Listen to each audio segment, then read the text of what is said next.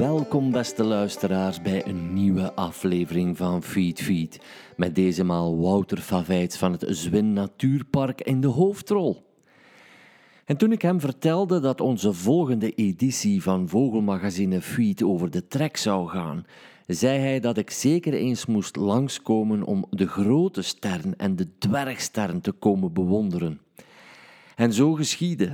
De sterns zijn trekvogels om u tegen te zeggen, dus trok ik naar Knokke.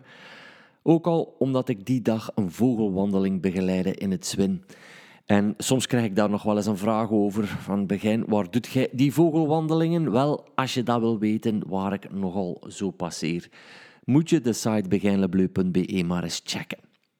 Maar goed, eind november komt dan onze lang verwachte tweede editie uit van Vogelmagazine Feed. En die kan je alvast bestellen, want in december komen er ook heel wat feestdagen aan. Jawel, het zou wel eens het ultieme cadeautje kunnen zijn voor al, maar dan ook voor al uw natuurvrienden, alle honderd.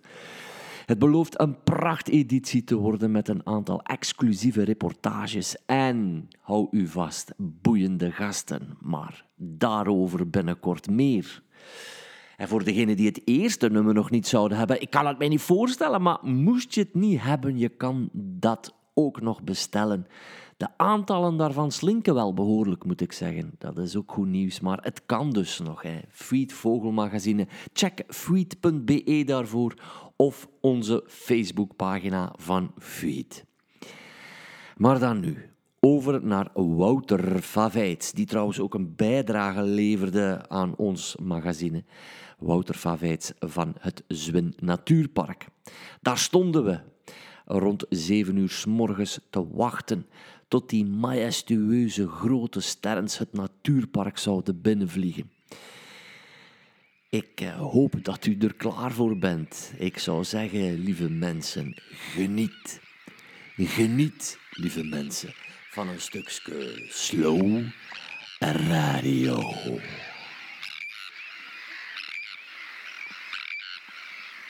Ja, sinds een paar dagen zijn ze hier eigenlijk met de uh, eerste tientallen en de laatste twee dagen honderden aangekomen.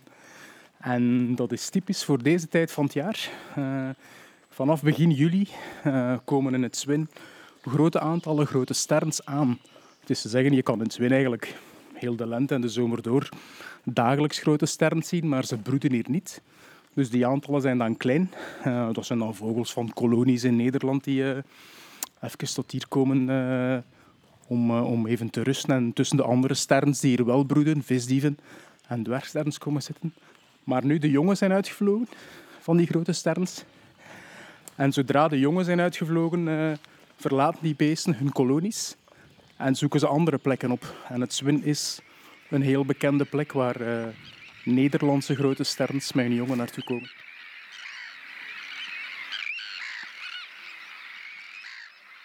Uh, tot, tot misschien de jaren 70, 80 was die soort minder algemeen.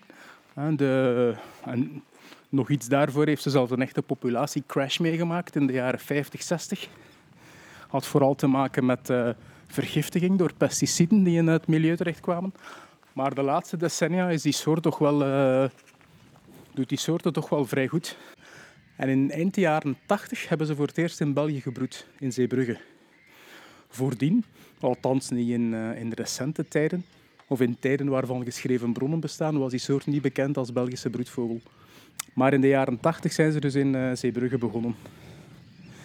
En dat ging dan heel snel waanzinnig hoog, die aantallen. Uh, ik denk 88 was er een eerste mislukte broedgeval. En enkele jaren later waren er al meer dan duizend koppels. En dat is dan met fluctuaties, een beetje op en af, uh, gestegen tot ruim... Oh, heb je die fluit gehoord? Dat was een goudvink die overvloog. Je dat gehoord, die vage? Ik zet mijn koptelefoon op om u heel goed te horen. Dus uh, zou je hier dan even blijven of gewoon overvliegen? Wouter, vertel mij alles. hij vloog over. Um, goudvinken broeden hier in de zwinbosjes in heel lage aantallen. Dus dat is niet ongewoon om ze hier te zien. Maar toch, het is toch wel een, een schaarse soort die, uh, die, die, ja, die je niet dagelijks ziet of hoort hier. Dus dat is wel uh, een buitenkant tussen het sterren door. Dus de grote sterren zijn dan wel niet op de afspraak, maar de goudvink was er wel. Absoluut. En dat is ook weer typisch Wouter van Veits dat je dat even uit de lucht plukt gewoon, hè, dat geluid.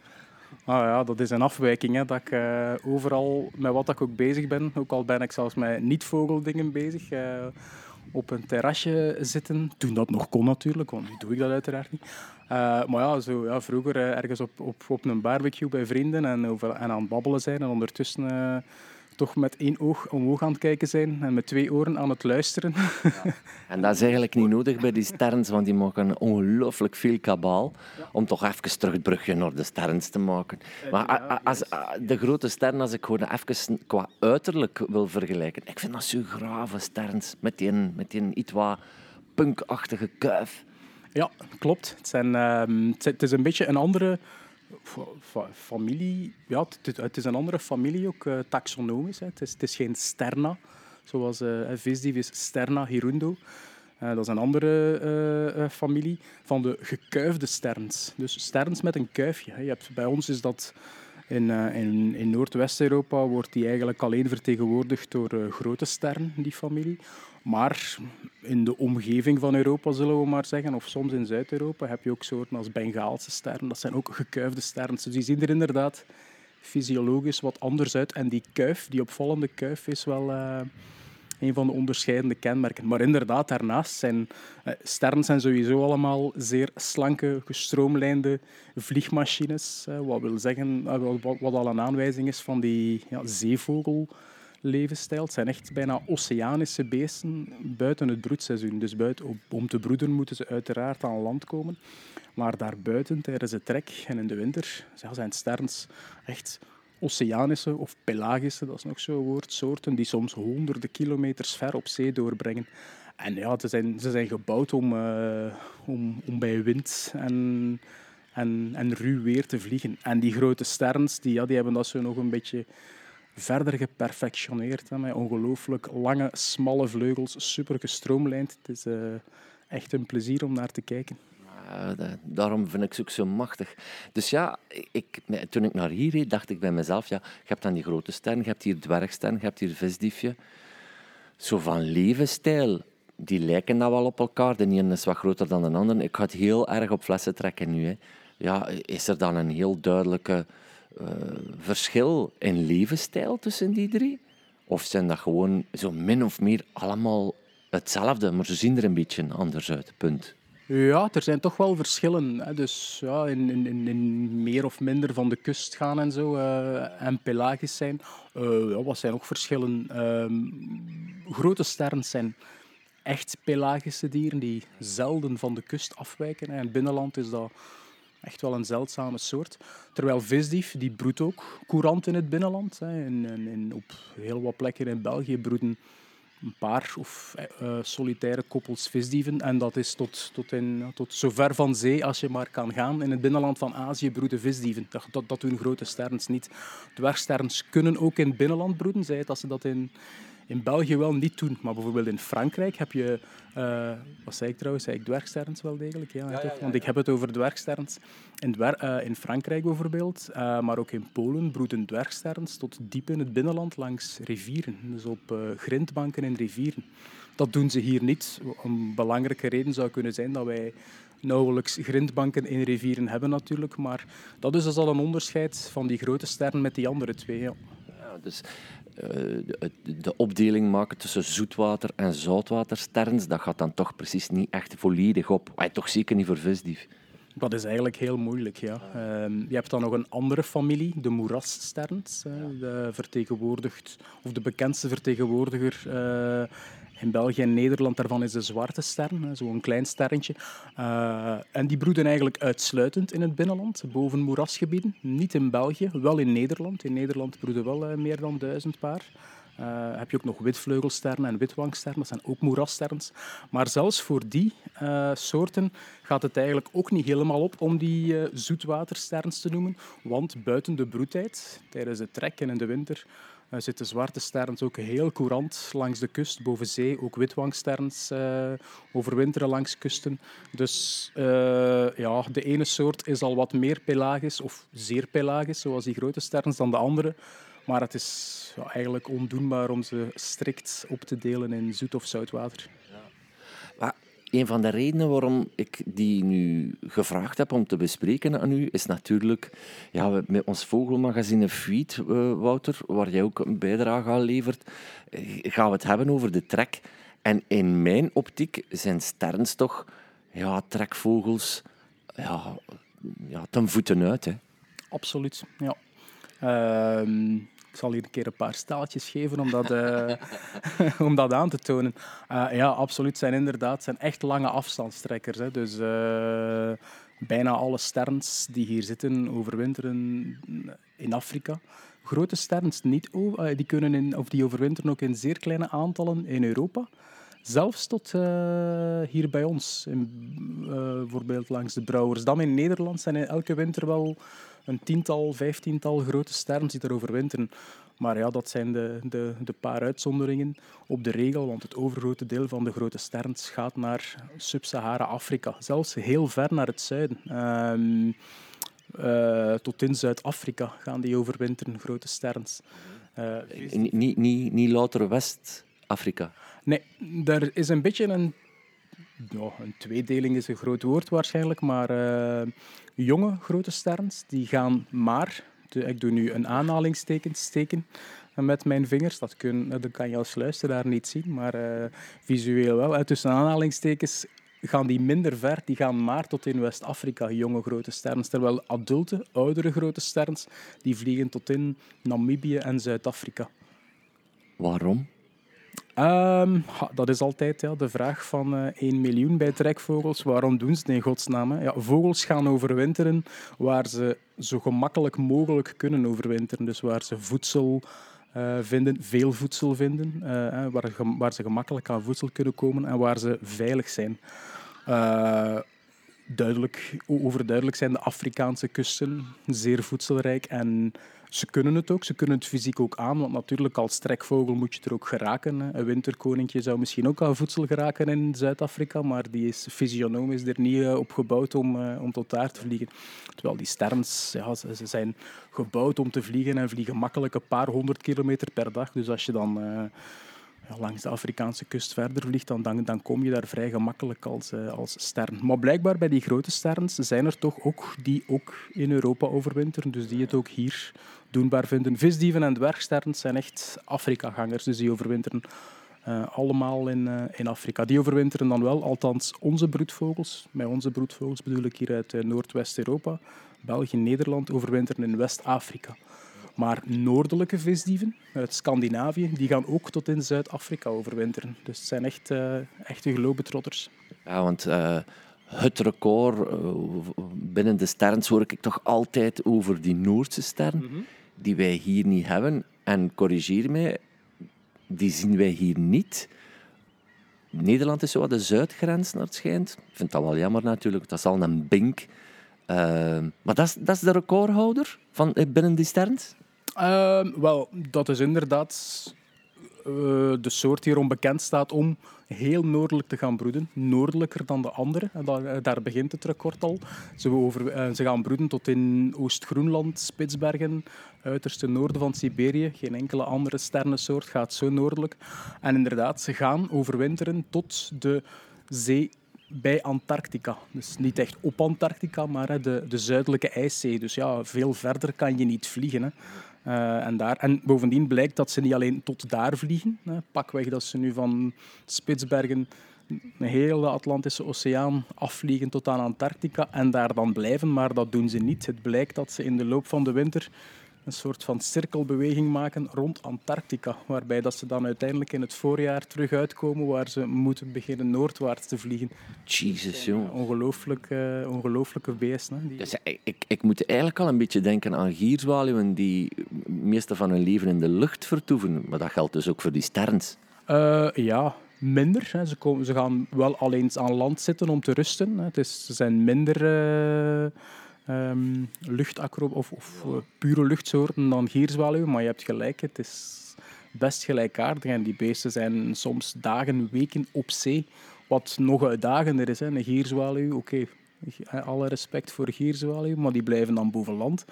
Maar ja, op zee en ja, bepaalde delen van, van de zee en oceanen zijn wel vrij ruw. Hè. De Noordzee is in vergelijking met sommige delen van de Atlantische Oceaan waar die sterretjes heen gaan, is de Noordzee een, eh, een kalme binnenzee. Dus eigenlijk wat je wil zeggen is dat die toch over zee heel wat energie verspillen om zich vliegende te houden, waardoor dat het eigenlijk wel een, uh, ja, eh, een avontuur is van je welste voor die beesten. Ongetwijfeld, ja. Maar ik denk wel dat ze... Allez, of, of, ik, denk, ik, ik, ik ben er vrij zeker van. Je ziet aan hun lichaamsbouw natuurlijk. Ze zijn gemaakt om, om, om, om in de lucht te blijven. Dus het, het kost ongetwijfeld energie, maar ze, vliegen, of, of ze zijn zo gebouwd dat ze wel uh, energiezuinig zo'n dingen kunnen doen. Dus om, om eigenlijk zonder constant met de vleugels te moeten slaan, toch op de wind te kunnen rijden, als het ware. Ze, ze, ze bereiden de wind, ze volgen die, uh, als het winderig is. En je ziet sterns vliegen. Meeuwen kunnen dat trouwens ook. Hè. Kijk gewoon op een winderige dag langs de kust.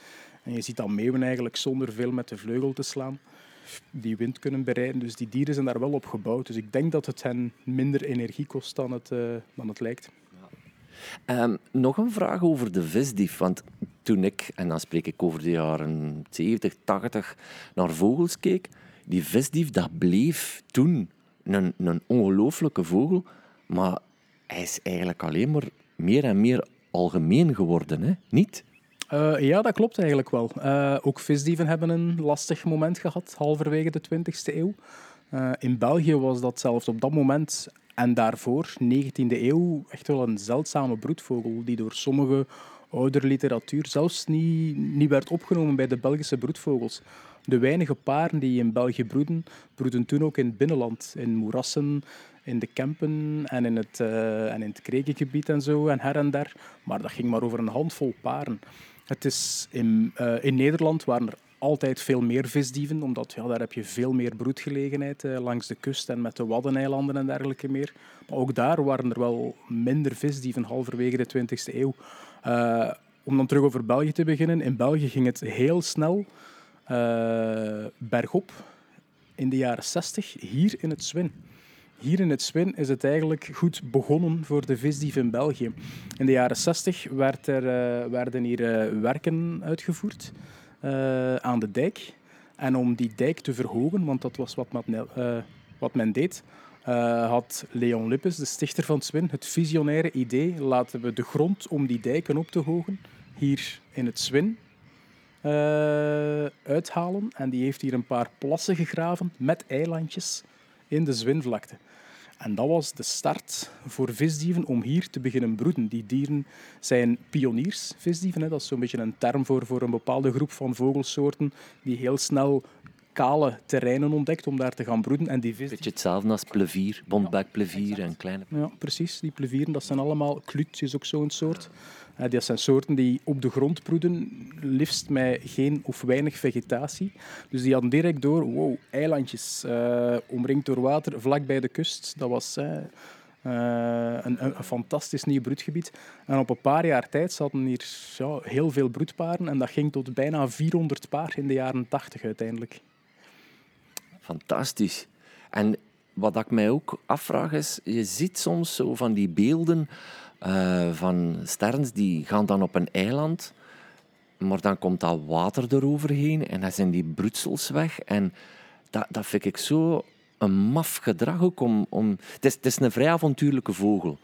Je hebt een, een zeekoet, die blijft generaties lang op een klif. Maar sterns hebben dat helemaal niet. Integendeel, die pakken daar eigenlijk een groot risico mee. Of zijn dat gewoon domme vogels? Uh, nee, dom zijn ze zeker niet. Sterns gaan al... Uh een aantal miljoenen jaren mee, of, of hun voorouders. Dus ik denk, niet, ik denk ze gaan al langer mee dan mensen, dus ik zou ze zeker niet dom noemen. Uh, nee, het hoort bij dat pionierskarakter van die soort. Uh, en, en, en het voorkomen in heel dynamische milieus.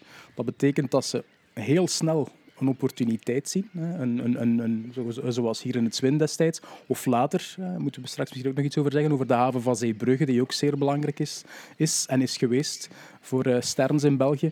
Als die vogels plots een groot kaal terrein zien, vlakbij een visrijke grond, gaan ze dat koloniseren. Dat stelt hen in staat om heel snel nieuw broedgebied te ontdekken. In grote aantallen. Dus ze zijn heel mobiel. Sterns zijn inderdaad niet gehecht, zoals veel vogelsoorten, aan dezelfde broedplaats, jaar na jaar. Maar ze zijn in staat om zich over tientallen, zelfs honderden kilometers te verplaatsen om een opportuniteit te zien en daar dan meteen jongen groot te brengen. Andere vogels kunnen dat niet. Andere vogels, of veel andere vogels, kunnen zich niet zo snel uitbreiden. Die hebben tijd nodig om uh, ja, bij wijze van spreken hè, 10 kilometer per 10 kilometer of zelfs bij kleine soorten kilometer per kilometer uit te breiden. Die sterns kunnen baf, ineens 300 kilometer verder en masse een goede broedplaats ontdekken. Laten we ze progressief noemen, Wouter. Goh ja, waarom niet? Laten we het doen. Begin. uh, maar het risico is inderdaad wel ja, die, die, die, die dynamische terreinen. Ja, dynamiek kan goed uitdraaien, maar kan ook slecht uitdraaien. In, ze leven on the edge. Zeker die dwergsterrentjes die heel dicht bij de waterlijn broeden.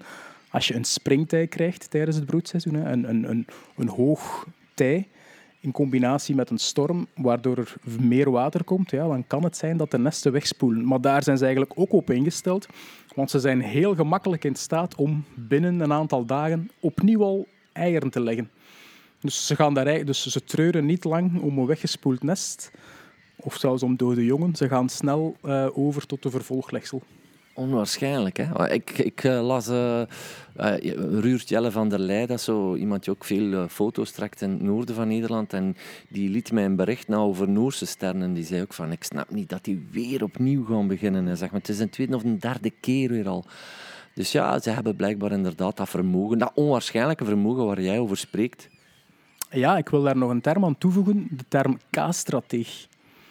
Er zijn eigenlijk bij vogels, misschien, oh ja, je mag zelfs in het algemeen zeggen bij, bij organismen, twee strategieën om je voor te planten. Dat is geen strakke afleiding tot die strategieën. Je hebt extremen en je hebt menggevallen.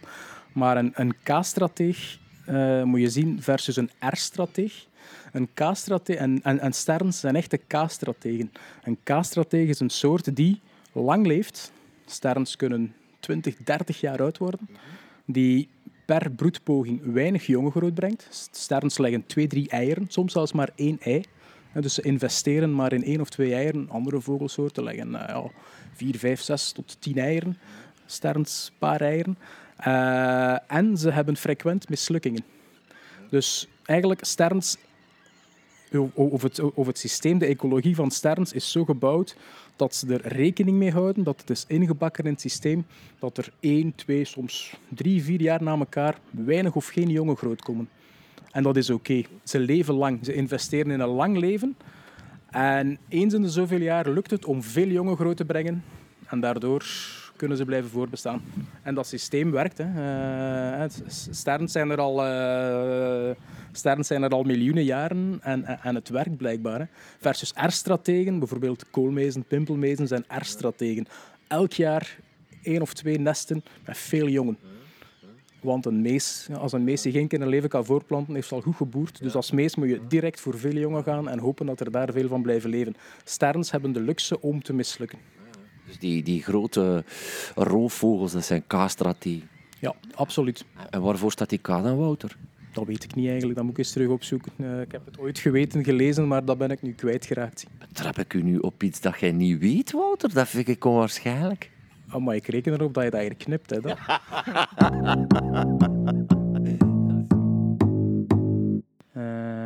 en die dwergsterren zijn fantastisch. Hè. Moest je...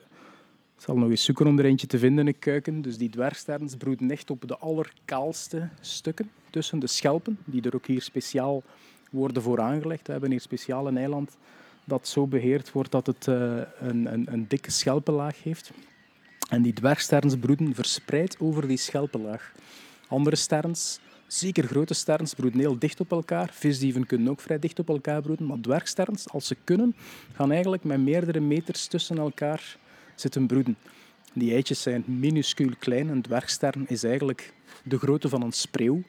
Eh, het, het, lichaam dan bedoel ik. Hè. Dus met die vleugels en die staart toont dat wel langer. Maar het lichaam is eigenlijk nauwelijks een spreeuw. Kleine beestjes, dus die eitjes, dat is echt uh, een duimnageltje. En die kuikens zijn, ja, zijn perfect gecamoufleerd om tussen die schelpen of die steentjes, waar ze soms ook in broeden, eh, van die stenen strandjes dat ze broeden, om daar perfect te kunnen opgaan. Zo vale, beige sterntjes. En daar liggen ze dan plat te wachten tot de ouders uh, met visjes komen. Maar ze zijn dus blijkbaar vrij territoriaal. Uh, omdat ze zo verspreid zitten van elkaar. Dat valt wel mee eigenlijk. Ze zijn, ze zijn heel beperkt territoriaal op, op pakweg een meter van elkaar. Maar het is waarschijnlijk eerder een, een soort strategie om nog minder op te vallen op die schelpenstrandjes. Uh, want voor de rest zijn, ja, om zeggen, uh, zeker de sterns die hier bij ons broeden, zijn allemaal territoriaal. Um, sorry, koloniaal. Ook territoriaal, maar ook uh, koloniaal. Dus ze broeden in dichte kolonies bij elkaar. En in die kolonies verdedigen ze heel kleine territoria ten opzichte van elkaar. Maar niet zoals de meeste vogels, die eigenlijk ja, tientallen of zelfs honderden meters van elkaar gaan broeden. Verschillende paren doen sterns dat niet. Maar is het ook niet zo dat dat ik weet dat dat misschien een rare vergelijking is, maar in Vlaanderen is het ook behoorlijk moeilijk om ver van elkaar te broeden. En daarmee bedoel ik, de gebieden zijn niet zo talrijk om te broeden. Hè? Want jij vertelde daar juist over Zeebrugge. Zeebrugge was vroeger toch een kans om broedgebied te creëren. Dat is nu weer verminderd? Um, in Zeebrugge heeft men ja, een paar decennia geleden de haven aangelegd en sterk uitgebreid door in zee twee armen aan te leggen die tot een paar kilometer in zee gaan. En daartussen deed men opspuitingen, hè, opspuitingen met zand. En dat creëerde tijdelijk een heel geschikt broedterrein. Daar zijn op het maximum zaten daar in de jaren, uh, vroege jaren 2000, zaten daar alleen al in Zeebrugge meer dan 3000 paar visdieven en meer dan 4000 paar grote sterns en tot meer dan 400 paar dwergsterns. Niet allemaal in hetzelfde jaar, maar toch in die periode. Natuurlijk, dat gebied was bedoeld om industrie te worden. Die industrie is ook ontwikkeld, maar men heeft daar dan wel rekening mee gehouden dat daar ondertussen zoveel sterns broeden. En men heeft dan speciaal voor die sterns het uh, fameuze Sterneneiland aangelegd. Wat eigenlijk een sternenschiereiland is. Dus een soort van kunst, ook een, een, een, opgespoten terrein dat men dan heeft laten ontwikkelen en, en, en zelfs inricht voor die sterns. Uh, om daar te gaan broeden. Uh, dus dat heeft men dan wel gedaan. Maar dat, heeft, uh, dat Sterreneiland heeft tot nog toe nooit echt kunnen die, die, die, die aantallen van, van, van vele duizenden sterns van in de, in de gloriejaren heeft dat niet kunnen herhalen. De laatste jaren gaat het er wel weer beter met visdieven. Dit jaar broeden bijvoorbeeld meer dan duizend paar visdieven wel weer in Zeebrugge, dus dat is wel behoorlijk. Maar grote sterns broeden er nu al jaren niet meer. En daardoor ook niet meer in België. Die soort broed nu al een aantal jaar uh, wel in Nederland nog algemeen, maar niet meer bij ons. En ook dwergsterns broeden de laatste jaren niet meer in Zeebrugge. Maar gelukkig hebben we het Zwin, waar er dan wel ook eilanden zijn gecreëerd, ook met de uitbreiding nieuwe eilanden.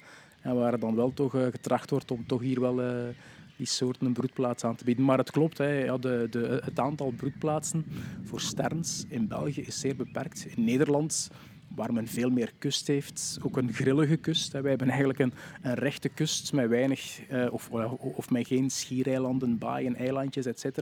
Terwijl Nederland heeft uh, met al die inhammen, baaien, die, de Waddeneilanden, heeft eigenlijk ja, heel veel broedplaatsen. En zeker ja, visdieven zijn er waarschijnlijk een paar honderd broedplaatsen in Nederland waar visdieven broeden, terwijl dat er in België ja, een, een, een 20, 30 zijn.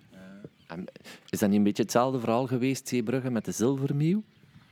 De moeilijkheid van daar te kunnen broeden, te dicht op elkaar zitten. Dan is er een keer, denk ik, een jaar geweest waarin dat de vos serieus heeft toegeslagen. En waarschijnlijk ook is dat voor die vos een, een gemakkelijke zaak, want die zitten toch allemaal op elkaar. Dus uh, die draait zijn gat en uh, heeft er weer drie, bij wijze van spreken. Klopt, dat is zeker ook een belangrijk element om aan te halen als het gaat over kolonievogels, zoals meeuwen en ook sterns. Uh, predatie door vossen of andere vogels, maar vooral vos is toch wel, kan toch wel problematisch zijn voor predatie. En in Zeebrugge, ja, dat eiland, ik zei het al, het is eigenlijk een schiereiland. En men kan dat echt heel moeilijk afsluiten voor vossen. Dus dat geeft toch problemen. Ook hier in Swin hebben we vorig jaar uh, hadden we ernstige predatie op de eilanden door vos. Dan hebben we vorige winter, uh, of, het Agentschap voor Natuur en Bos heeft hier dan een, een stevige afsluiting gezet. Je kan die zien helemaal rond de eilanden. Er staat nu een afsluiting. In het water met elektriciteit erbovenop. En dat is echt nodig. Uh, dat is dit jaar trouwens ook aangetoond dat het echt nodig is, want we hadden um, een drietal weken geleden zeer laag tij. Bij zeer laag tij is er een deel waar het water zo ondiep wordt dat je er kan doorwaden. En die vos had dat meteen door en is hier toch tot uh, onze afschuw toch op de eilanden geraakt. En we zijn, wel, we zijn veel jonge visdieven kwijtgeraakt dit jaar. Gelukkig hebben we snel kunnen ingrijpen door het water te verhogen. En er is ondertussen zijn er al allerhande voorbereidingen gebeurd om te zorgen dat het water volgend jaar en de jaren nadien steeds hoog genoeg blijft. Want als die vos moet zwemmen, hij kan zwemmen, maar hij kan niet zwemmen en een afsluiting innemen. Hij kan wel door het water waden en een afsluiting innemen. Ehm, dus we hopen dan volgend jaar met die hoge waterstand dat dat dan toch echt, ehm, echt niet meer gebeurt. Uh, maar het ja, toont wel aan wat het risico is voor kolonievogels. Hè. En pas op, op zich, dat is, dat is uiteraard vervelend en, en, en, en, en daar moet iets aan gedaan worden.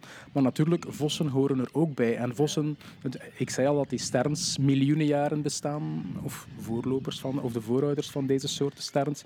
Maar ook eh, predatoren zoals vossen zijn er al even lang geweest. Dus dat hoort erbij. Dat hoort ook in het systeem van die dieren bij, dat ze af en toe gepredeerd worden.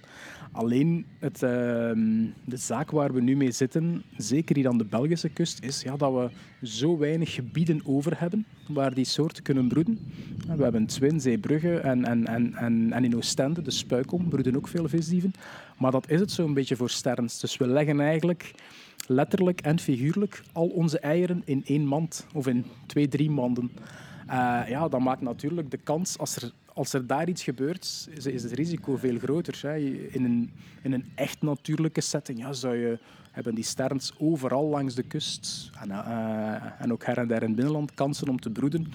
Maar ja, in ons over, overvolle landje, waar we met zoveel functies tegelijk zitten, die allemaal hun ding willen doen en die allemaal op een manier evenveel recht hebben om hun ding te doen natuurlijk. Dus eh, het, eh, het gaat niet over dat het een meer waard is dan het ander. Maar je moet er wel mee omgaan om al die functies te verzoenen. En ja, en, ja, en dan beslissen we beleidsmatig, ah hier, hier is een plekje voor die sterns. En hier op die paar hectare, in dit geval in Swin, op die paar hectare eiland, daar moet het gebeuren. Gelukkig hebben die vogels dat dan wel door, maar ze zijn er natuurlijk en ze komen erop af. Maar ze zijn er ook wel kwetsbaar natuurlijk. Hè. Dus dan moet je, ja, dan moet je echt aan, aan verregaand natuurbeheer gaan doen door een afsluiting te zetten. Hè. Er zijn uh, ja, er zijn mensen die zeggen van ja, dat, dat, dat, ja, dat trekt toch op niks, die afsluiting. Uh, ja, smaken en kleuren enzovoort, je weet wel. Maar los daarvan, het gaat niet over of het op iets trekt of niks. De centrale vraag of de, of de primaire vraag is, hoe houden we die sterns hier, die toch zeldzame of schaarse bijzondere broedvogels zijn, waar we ook Europese verplichtingen voor hebben. Het Zwin is een vogelrichtlijngebied, onder meer aangeduid voor die sterns. Dus we moeten wel inspanningen doen om die dieren hier te houden. Dus ja, dan moet je maatregelen nemen en dat kan een afsluiting zijn. Ja. Dat hoort er. Eh, de, uh, natuurbeheer in Vlaanderen anno 2021 is zo'n dingen doen. Hè. Wie, wie, wie streeft naar wilde primaire natuur, dat is een, een valabel streven. Ik heb daar niks op tegen. Maar ik vrees dat dat in ons land met zoveel mensen en zoveel functies echt, echt heel moeilijk of onmogelijk is. Dit was Feed Feed. Ik hoop dat u er weer een kleine maand tegenaan kunt en al dat klimaatonheil een beetje kan verwerken met deze podcast, waar de verwondering toch nog altijd de bovenhand neemt van de verontwaardiging van de laatste dagen, het moet gezegd. Wilt u meer weten over Feed? Check dan feed.be. Zoals ik al zei, nummer 1 van ons vogelmagazine kunt u nog steeds bestellen. En de bestellingen voor nummer 2 lopen al aardig binnen. Ik zou zeggen, doen. Eind november krijgt u dan het themanummer rond de trek in uw bus. Tot de volgende aflevering. Dag.